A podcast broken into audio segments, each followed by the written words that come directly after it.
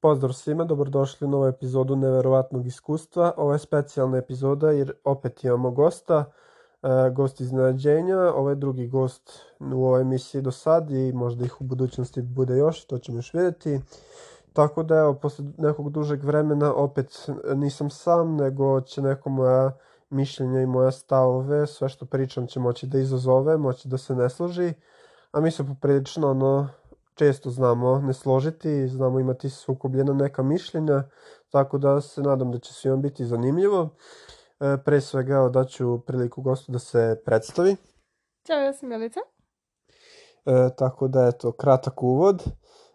I pre svega prvo šta smo planirali, to šta sam ja planirao da pričam sa njom jeste o seriji koju smo sad nedavno gledali. Nećemo puno dužiti od njoj, ali gledali smo Berlina na Netflixu. E, ja bih joj dao neku ocenu 6-7 i uglavnom onako mi je dosta, e, nije mi onako nekako specijalna, nešto previše. Ne bih je ono preporučivao ako neko baš nije veliki ljubitelj La Casa de Papel i lika tog Berlina. Pa meni je iskreno Berlin bio ništa specijalno, to jest da nisam gledala La Casa de Papel, bilo bi mi super serija. Serija kao serija jeste ok, ali samim tim što je nastavak, po meni ekstra serije, nije ništa specijalno. Nije bilo dovoljno dinamično, nije bilo dovoljno uh, scena same pljačke, uh, nekako se sve brzo i jednostavno izdešavalo i pa iskreno ne bih nikada preporučivala. Jedna od glavnih tema je bila i ljubav. Dosta smo videli toga, šta misliš o tome kao temi, da li te nerviralo što su se svi uh, likovi u Berlinu zaljubljivali i svi su bili zajedno i uh, sve što je bilo romance i što je to bio neki fokus ove serije, da li te to nerviralo ili ti je i to bilo zanimljivo? Pa iskreno nije mi baš bilo ništa specijalno, zato što kao ovi dvoje su bili zajedno, ovi dvoje su bili zajedno i kao wow. Mnogo, mnogo je bilo više detalja o njihovim privatnim životima, o njihovim ljubavima, ovaj sa ovim, ovaj sa onim, nego o samoj pljački koja treba da bude tema serije. Tako da mislim da su dosta pokvarili. Mislim, La Casa de Papel će mi ostati super serija, ali ovi mislim da su dosta pokvarili celokupan utisak. Da li bi još nekom liku iz La Casa de Papela volila da vidiš seriju ili ti je posle ove dosta ovaj spin-offa La Casa de Papel iako bi volao nekom da vidiš ko bi to bio iz La Casa de Papel taj neki o njegovom životu a koji kad bi bilo to dobro urađeno kome bi volalo da vidiš taj neki nastavak ili pre nego što se desilo ajde prequel tako da kažem pre La Casa de Papel, koja bi to bila serija, o kom liku? Pa nakon ovoga se bojim bilo kakvog nastavka, to jest kao nastavka koja ide pre onoga, ali jako bih hvala da vidim baš Berlin, ali dobro urađenu seriju, jer mi je ovo iskreno glupost. Mislim da bi o njemu baš mogla dobra serija se uredi i duža od 8 epizoda zaista, jer uh, mislim da on ima jako veliku prošlost se, uh, samih pljački i svega i mogla bi baš detaljno se uredi serija i mislim da je mogla mnogo, mnogo kvalitetnije suradi od ovoga. A ostali likovi mislim da su svi bili, to je taj sem tog profesora, da su svi, uh, svima je ta neka, da kažemo, značajnija karijera počela sa ulaskom u to La Casa de Papel, tako da mislim da ostalih likova ne je bilo toliko zanimljiva ta kao pređašnja priča, ali Berlin bi, mislim, mogao ekstra suradi kad bi bio ekstra urađen, a ovo mi mm, nije baš nešto. Dobro, pa sad ćemo ovaj krenuti neku drugu temu, tako da eto čuli ste naše mišljenje o Berlinu, a to uglavnom bi mu dali obojadi neku tu oko sedmicu kao ocenu, ili eto 6-5. E, tako da eto to je što se tiče Berlina, ne bih dalje dužio s tom temom, nego bih prešli na neke nove teme. E, tako da sledeća tema koju sam e, izabrao, malo bi pričali o tim nekim romantičnim odnosama, o vezama, bar ćemo probati eto, da nam damo neko naše mišljenje o tome. Pa po meni su ljubavne veze i generalno ljubavni odnosi veoma sastavni deo života i potrebni svakome. Sad neću da globalizujem, nisu potrebni svakome, ali meni lično jako važna stvar u životu i sasvim deo mog života. Ali uh, zaista imam mišljenje da nakon nekog teškog perioda sa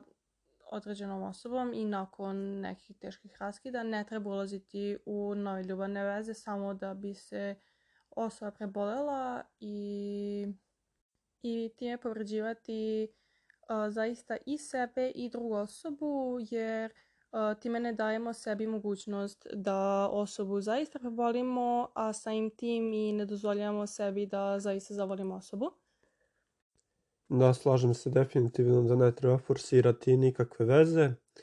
E, što si rekla da su veoma bitne i s tim bi se složio da su veze bit, bitne naravno, ali mislim da nisu naravno svima potrebne, nekima možda veze nisu potrebne i čak bih eto možda rekao da neki za veze trenutno možda nisu sposobni i veliko je pitanje da li će ikada biti sposobni.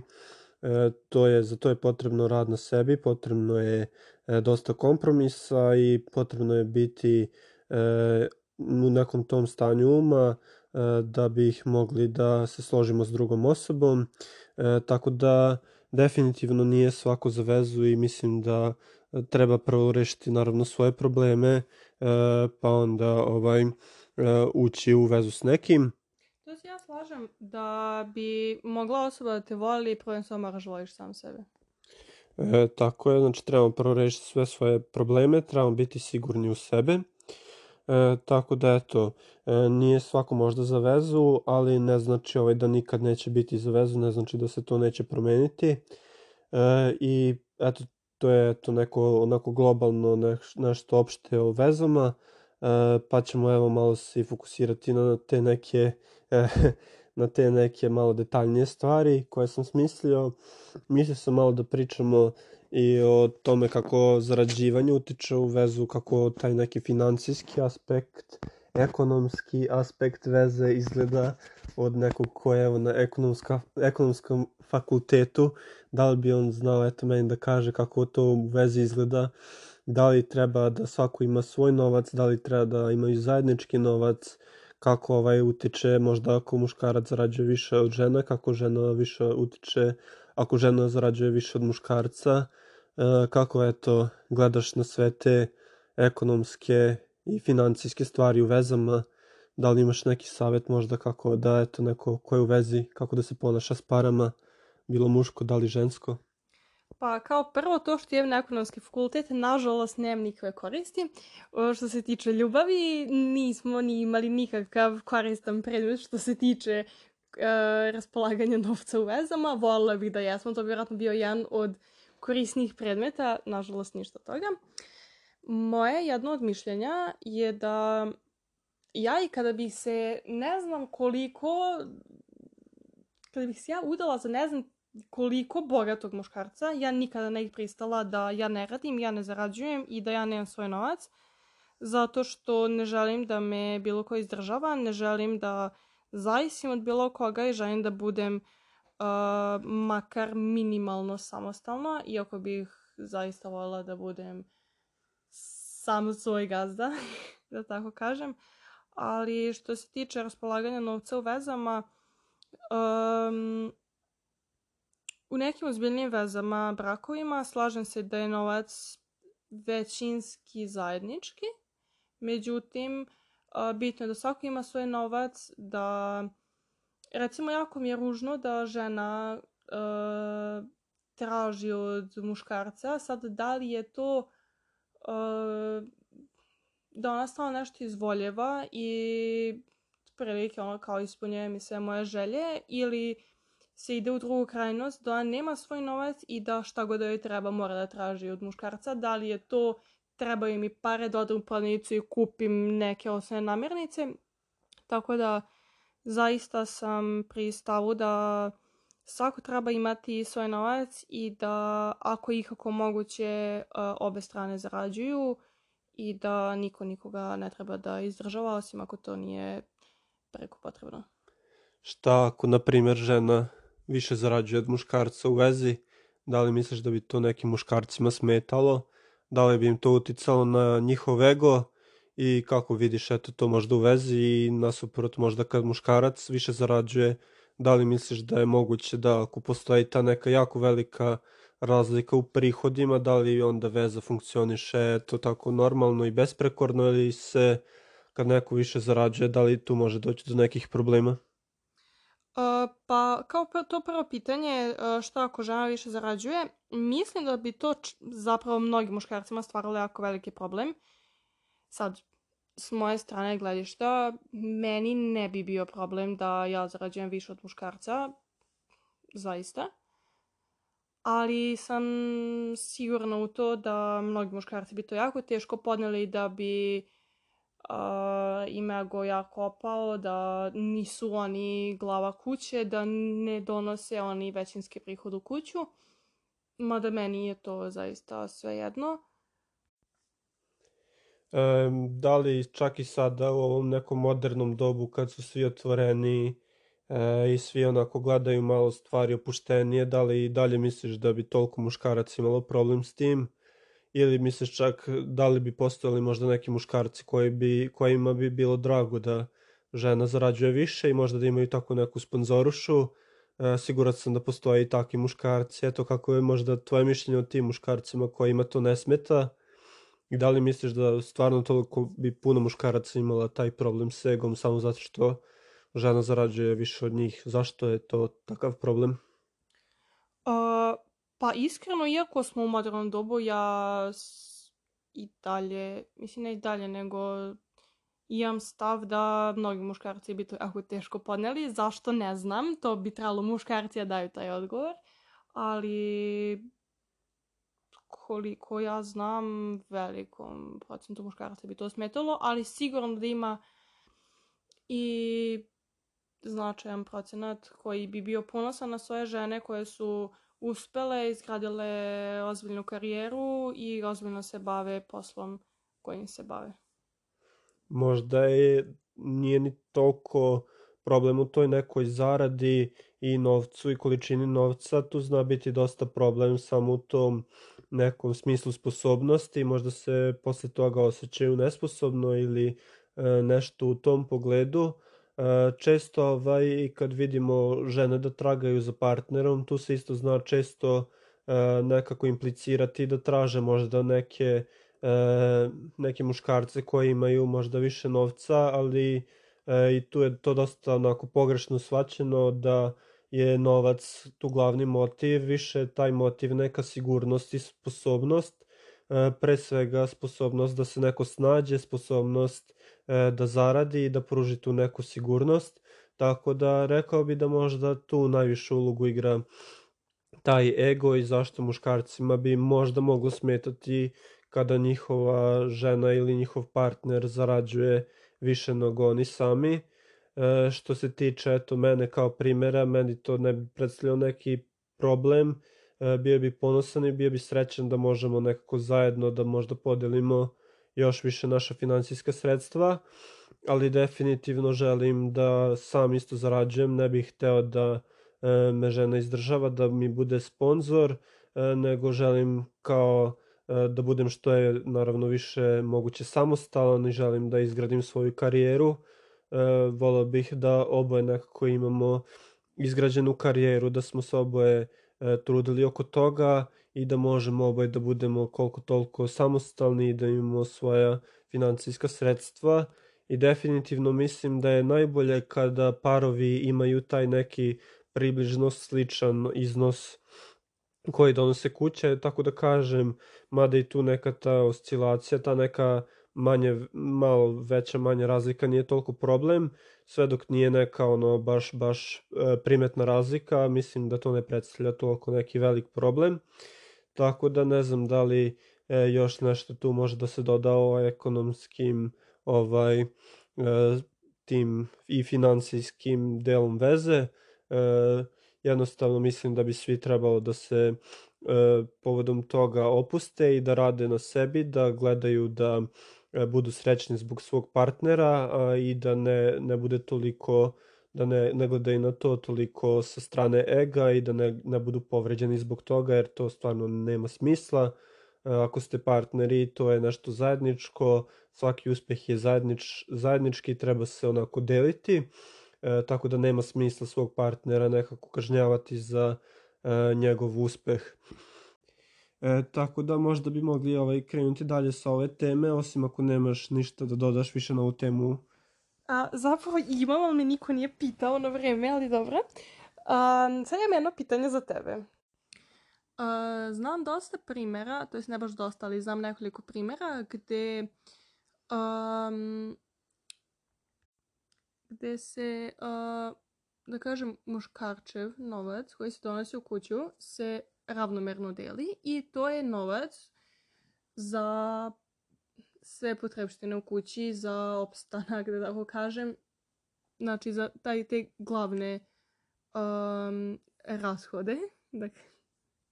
dok uh, žena svoj novac uh, troši za svoje zadovoljstvo, za, uh, to jest većinski troši za svoje želje. Uh, kako bi ti reagovao u toj situaciji iz razloga što ja, iako sam žensko, po meni je to jako ružno i nemam dobro mišljenje o tome.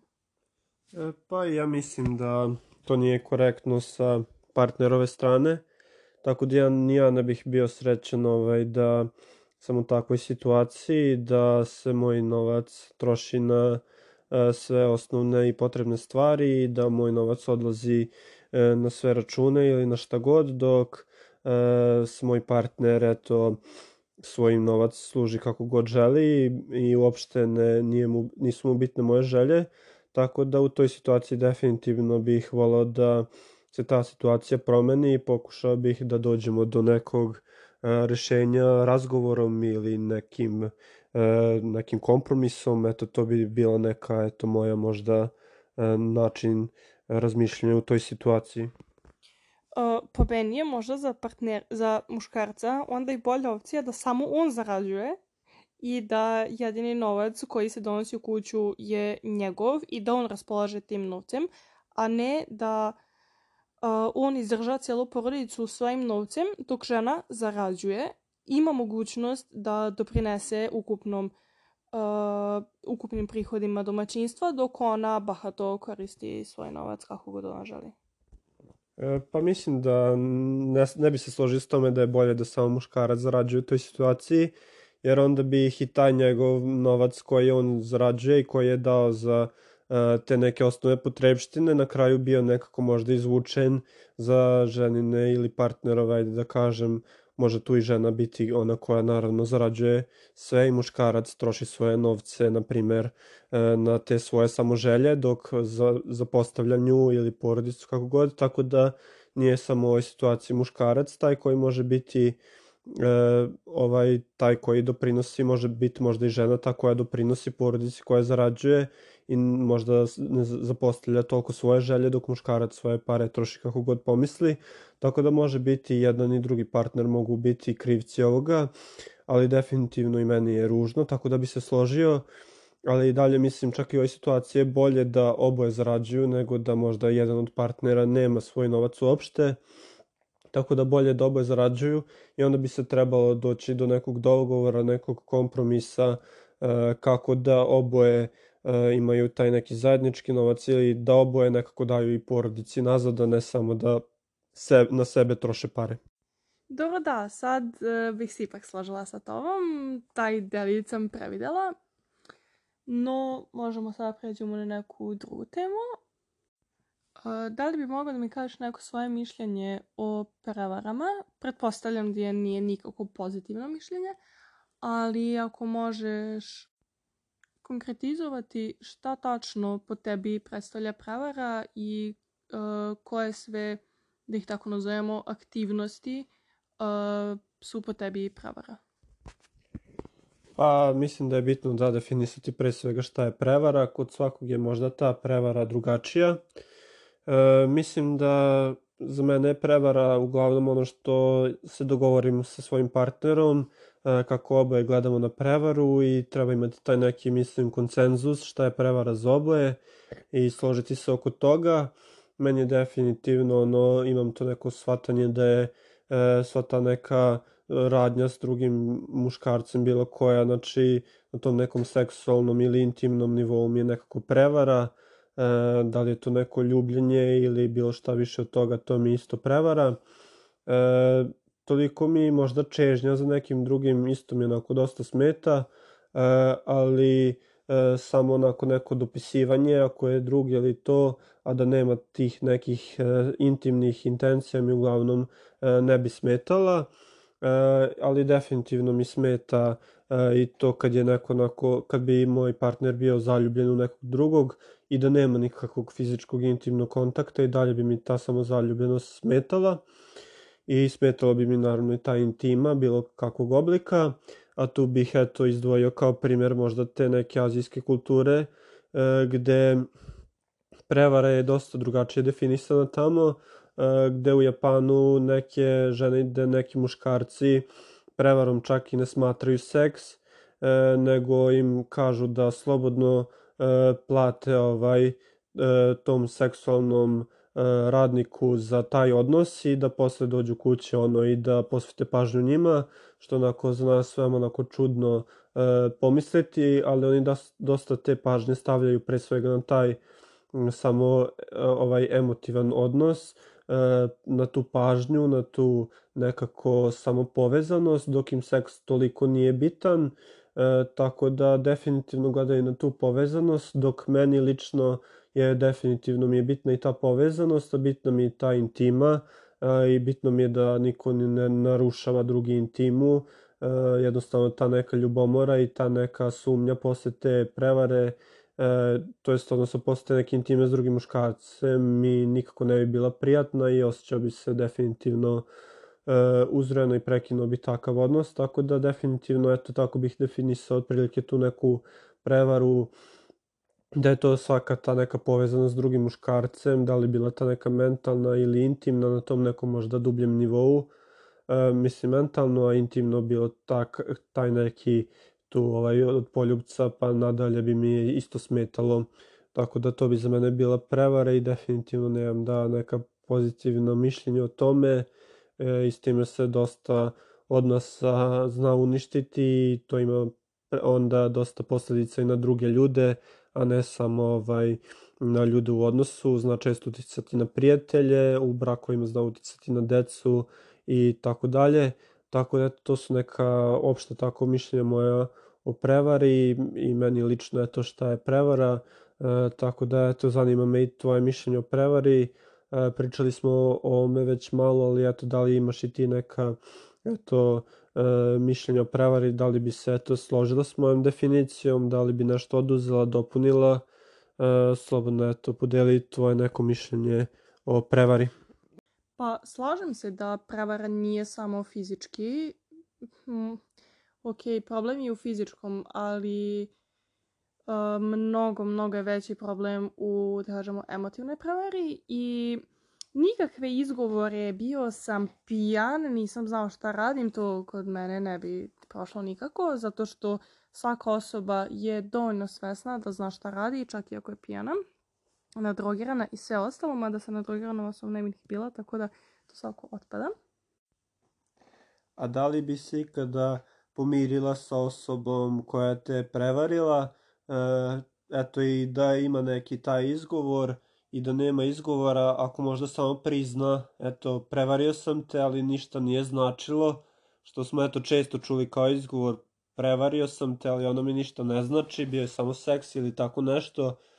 i ako se stvarno kaje, da li bi eto možda pod takvim nekim okolnostima e, mogla ti da ovaj oprostiš tom E, partneru, da li bi se možda pomirili i da li si videla nekada kod drugih muškaraca ili žena da se ovaj posle prevare pomire da oproste partneru? Pa sada kada nisam u toj situaciji mogu jako ambiciozno da kažem da nema šanse da bih oprostila, prihvatila, uh, pomirila se i ostalo, ali opet ne mogu sada da sebe stavim u takvu situaciju i da dam neki konačan odgovor, mada zaista mislim da bi jako bilo teško da pređem preko toga i da oprostim zato što meni pravara nešto da kažemo, skoro pa najgore što može da se desi i totalno je neprihvatljivo. Opet, verovatno postoje mogućnosti u kojima bih nekako prešla preko toga, ali jako teško i to nikada više ne bi bilo kao pre. I verovatno bi nakon toga uh, se ponovo vraćali na priču o tome i veza bi samo se više i više tonula i ponovo bi došlo do tog kraja i samo bi kraj bio još gori. A da li sam viđala um, da nakon prevare se veza nastavlja uh, i da dolazi do nekog opraštanja i svega toga. Iskreno nisam, ali znam dosta njih, ne opet, ne dosta njih, ali znam pojedince koji bi prešli preko toga i oprostili, iako sam ja stava da to ne bi trebalo. A da li, na primjer, u nekim, kod nekih parova koji su već dugo zajedno i koji su sigurni i ne znam, možda im dosadi veza, e, često, možda, nije toliko često, ali zna biti situacija da e, se dogovore oko te neke otvorene veze ili da li dovedu još nekoga u tu svoju vezu možda da imaju te neke e, neke zanimljive eto eksperimente. Da li eto možda ti je to deluje zanimljivo te otvorene veze i da li misliš da te otvorene veze imaju uopšte ikakvog smisla, da li mogu, može ta veza posle tih otvorenih veza ili posle tih nekih kombinacija, da li može ta veza opstati ili je to onako taj neki očajnički pokušaj može da se spasi veza, da li eto misliš da neko stvarno može biti srećan i u tim nekim otvorenim vezama, kako je to tvoje mišljenje, pa posle eto te, tog tvog mišljenja eto ako želiš mogu ja izraziti svoje mišljenje povodom tih nekih otvornih veza. Pa, apsolutno mislim da je to totalni promašaj i to više nije veza, to je apsolutno kombinacija, to je apsolutno uh, bukvalno to eksperimentisanje, ispravanje novih stvari i svega. Uh, ne mislim da je 100% loše. Nemam ništa protiv da to neko drugi radi, ja lično ne bi. Um, nakon toga veza teško da im da se vrati na staro zato što samim tim što u jednom momentu osoba, nebitno da li, u stvari ako oni pristanu na treću osobu, on su ove pristali, ako oni u jednom momentu su za da njih dvoje pristanu da u toj vezi učestvuje i treća osoba ili četvrta osoba ili da svako pored ovog drugog ima još neko sa strane, meni je to totalno bez veze i to, to više nije ljubav, to je možda više ta neka navika, sigurnost da osoba ima nekoga, ali da je veza, da je nešto što ja želim u svom životu, apsolutno ne. Pa u nekim eto kulturama postoji poligamija, tako da E, eto, možda jedan, e, jedna osoba ima više partnera, e, tako da, da li misliš da ta osoba isto ne može eto, da bude zaljubljena u više osoba, da li misliš da ta osoba isto ne funkcioniše takav odnos kad ima, na primjer, muškarac jedan više žena, da li misliš da bi to smetalo tim ženama, iako znaju da je takva kultura, ili misliš da može u tim kulturama da je to drugačije i da bi tamo ipak bilo a, to uspešno? A, pa mislim da te žene možda samo jesu zaljubljene u tog čoveka. Ne, da, da zamislimo situaciju da mušarac ima više žena. Mislim da on, pa po mom ličnom mišljenju, on ne voli ni jednu. Njemu je to zabavno, njemu prija da svaki dan odlučuje uh, s kojom će provesti dan, s kojom će provesti noć prosto, da kažemo, sve karte su u njegovim rukama i on odlučuje šta će kako biti. One vjerojatno jesu zaljubljene, mada uh, mislim da je česta situacija da, da kažem, neki bogataš ima puno žena, tako da ne mora značiti da su one zaljubljene u njega, one su moguće da su sa njim zbog neke koristi i da, ok, pristaju na takvu vezu zbog svih tih koristi koje imaju od njega, opet ja ne bih bila u tako nečemu, ja više volim da je to jedan na jedan i da je to prava ljubav i da uh, ja volim to osobu da osoba voli mene i to apsolutno nije nešto u čemu bih ja uživala, ali da, znam da to postoji, ali ne verujem da tu ima neke prave ljubavi. E, tako da, eto, to je to što se tiče eto, te poligamije, otvorenih veza, ne bih evo tu dalje dužio s time. E, tu negdje otprilike se slažemo i ja mislim eto da otvorene veze nisu veoma uspešne i da njihov krajnji rezultat nije veoma uspešan. Što se tiče te poligamije, moje mišljenje je negde malo različito i smatram da u tim kulturama možda i taj e, odnos između tih muškaraca i žena ili žena i muškarac kako god, mislim da je drugačiji. Mislim da stvarno neko može možda E, se posvetiti dve žene ili dva muškarca onako sa istom pažnjom i možda može biti zaljubljen u oba podjednako na neki način. E, nisam bio u toj nikad situaciji, tako da ne mogu nija da pričam na pamet, ali definitivno mislim da je to neka tako kulturološka stvar i mislim da je moguće da postoji eto situacija da je neko zaljubljen možda u više osoba i da jednostavno može da e, izdvoji vreme podjednako za dve osobe, mada to mi deluje poprilično teško. Za kraj ove epizode, eto još da par sekundi izdvojimo e, temi anime se, o anime serijama. Anime serije su eto jedan od mojih e, tako da ga nazovem, koji eto već dugo vreme e, mi je to hobi, uživam veoma u gledanju anime serija, anime filmova. Pogledao sam veliki broj anime serija i uvek ih preporučujem drugim ljudima rado neki su malo onako uh, zatvoreni ka toj ideji, neki su više otvoreni ka toj ideji. Um, tako da tebi sam isto preporučio par anime serija, neko čak gledamo i zajedno. Koje je tvoje mišljenje o, anim, o anime serijama? Da li ti se neke sviđaju? Da li misliš ovaj da E, da li misliš da je ta neka predrasuda prema njima e, ispravna, pravedna ili misliš da bi čak i više ljudi moglo da pronađe možda neki taj e, anime serijal koji bi im se stvarno sviđao i koji je kvalitetno urađen? Uh, pa moje prvo mišljenje o anime serijama je da su to crtači, iako ćeš sada to ne mogu zbog toga, ali u redu. Ne slažem se. Baš mi briga. A, a drugo, uh, ja u životu nisam gledala nikakav uh, anime ni ništa, ja sam baš bila protiv toga i uh, mnogo sam više, da kažemo, opredeljena za neke evropske i američke filmove serije i generalno mi ne prijaju azijski jezici. Ok mi je, ali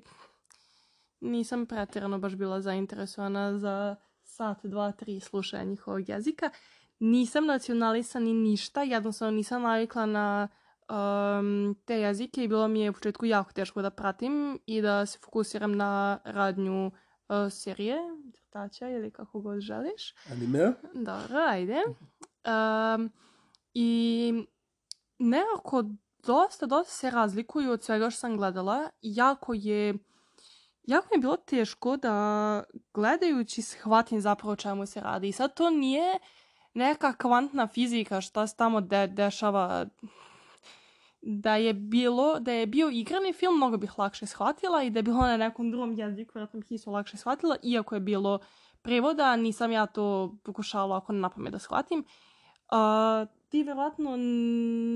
nisi imao te momente, zato što već dugo gledaš i navikao si na sve to, ali prvih nekoliko animea koje smo gledali zajedno, smo mi na svakih 15 minuta morali da zustavljamo. Ti meni prepričao šta se tu desilo, jer ja to zaista nisam mogla da percipiram u svojoj glavi šta se dešava. Trenutno gledamo Jiu-Jitsu Kaisen i zapravo mi se sviđa, za divno čudo mi se sviđa, iako sam i tu uh, ograničena na dve epizode dnevno, to je neki moj maksimum, da moj mozak ne preoptereti, ali sviđa mi se. I ne šta smo još gledali zajedno. Cyberpunk smo gledali. Uh, to je bilo okej, okay, iako sam tek u posljednoj epizodi shvatila zapravo o čemu se radi, to je to o čemu vam govorim. Jako me je teško da shvatim o čemu se dešava. Shvatim ja tu rade oni ovo ono, ali celokupnu priču sam shvatila tek na kraju prve, tek na kraju posljednje epizode. Pa, dobro da, u animeu malo se koncept cele priče e, zna razlikovati dosta od tih klasičnih priča koje se susreću u evropskim, možda čak američkim filmovima, serijama. i ja sam isto ono, pogledao uh,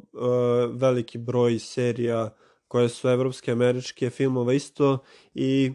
uh, anime se dosta razlikuje od toga i možda i uh, to neki, e, to je to neka njihova čar, ta neka razlika i to što pokušavaju da uh, onako na, pronađu neku novu ideju, neki novi koncept priče, uh, tako da to je jedno od eto, zanimljivih stvari